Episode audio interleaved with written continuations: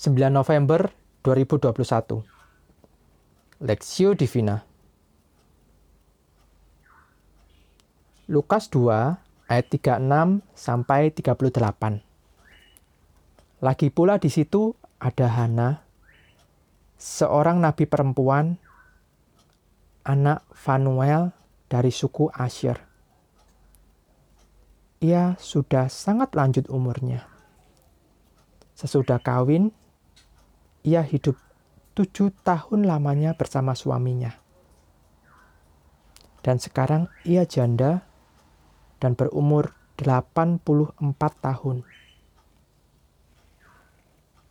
Ia tidak pernah meninggalkan bait Allah dan siang malam beribadah dengan berpuasa dan berdoa.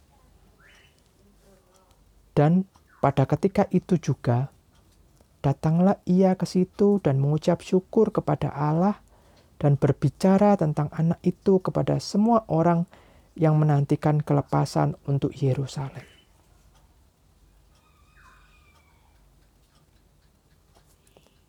Tokoh perjanjian baru, iman Hana, perspektif.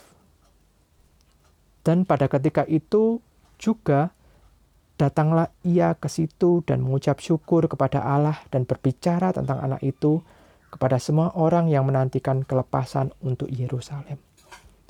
Lukas 2 ayat 38 Hana adalah seorang nabi perempuan dari suku Asyir.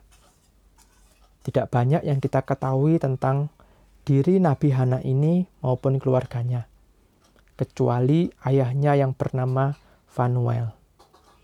Akan tetapi, Hana banyak dikenal orang sebagai seorang janda yang berumur 84 tahun. Ia tidak pernah meninggalkan bait Allah dan siang malam beribadah dan berpuasa dan berdoa. Walau tidak banyak catatan tentang Hana, kita bisa belajar beberapa hal dari hidupnya.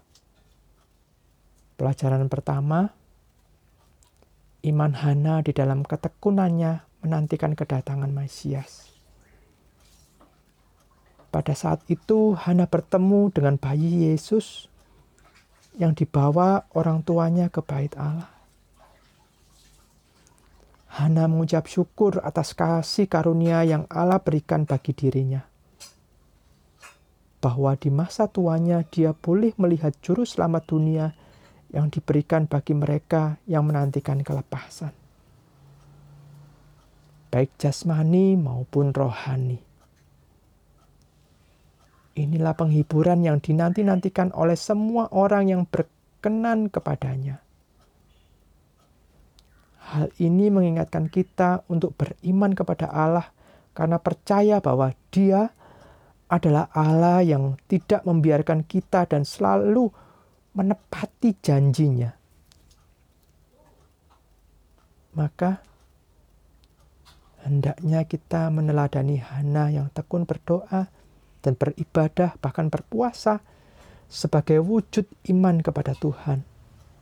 Di dalam situasi atau kesulitan, hendaknya iman kita tetap terarah kepada Tuhan yang adalah kegenapan janji Allah dan tidak pernah meninggalkan kita.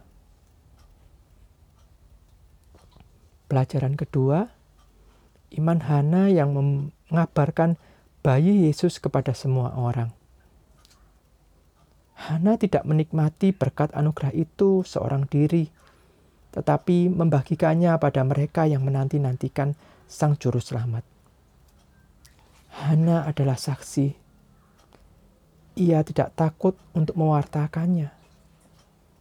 Rasa syukurnya yang begitu besar karena telah bertemu dengan Yesus, Mesias yang dijanjikan Tuhan, seakan tidak tertahankan dan terpancar keluar melalui ucapan syukur dan kesaksiannya kepada semua orang yang menantikan kelepasan dari Tuhan. Oleh karena itu, hendaknya iman kita kepada Allah juga diwujudkan dalam rasa syukur melalui pujian dan kesaksian, sehingga kita menjadi teladan iman bagi orang, sehingga mereka juga memperoleh keselamatan dalam nama Yesus Kristus. Studi pribadi, apa teladan yang bisa kita pelajari dari Nabi Hana?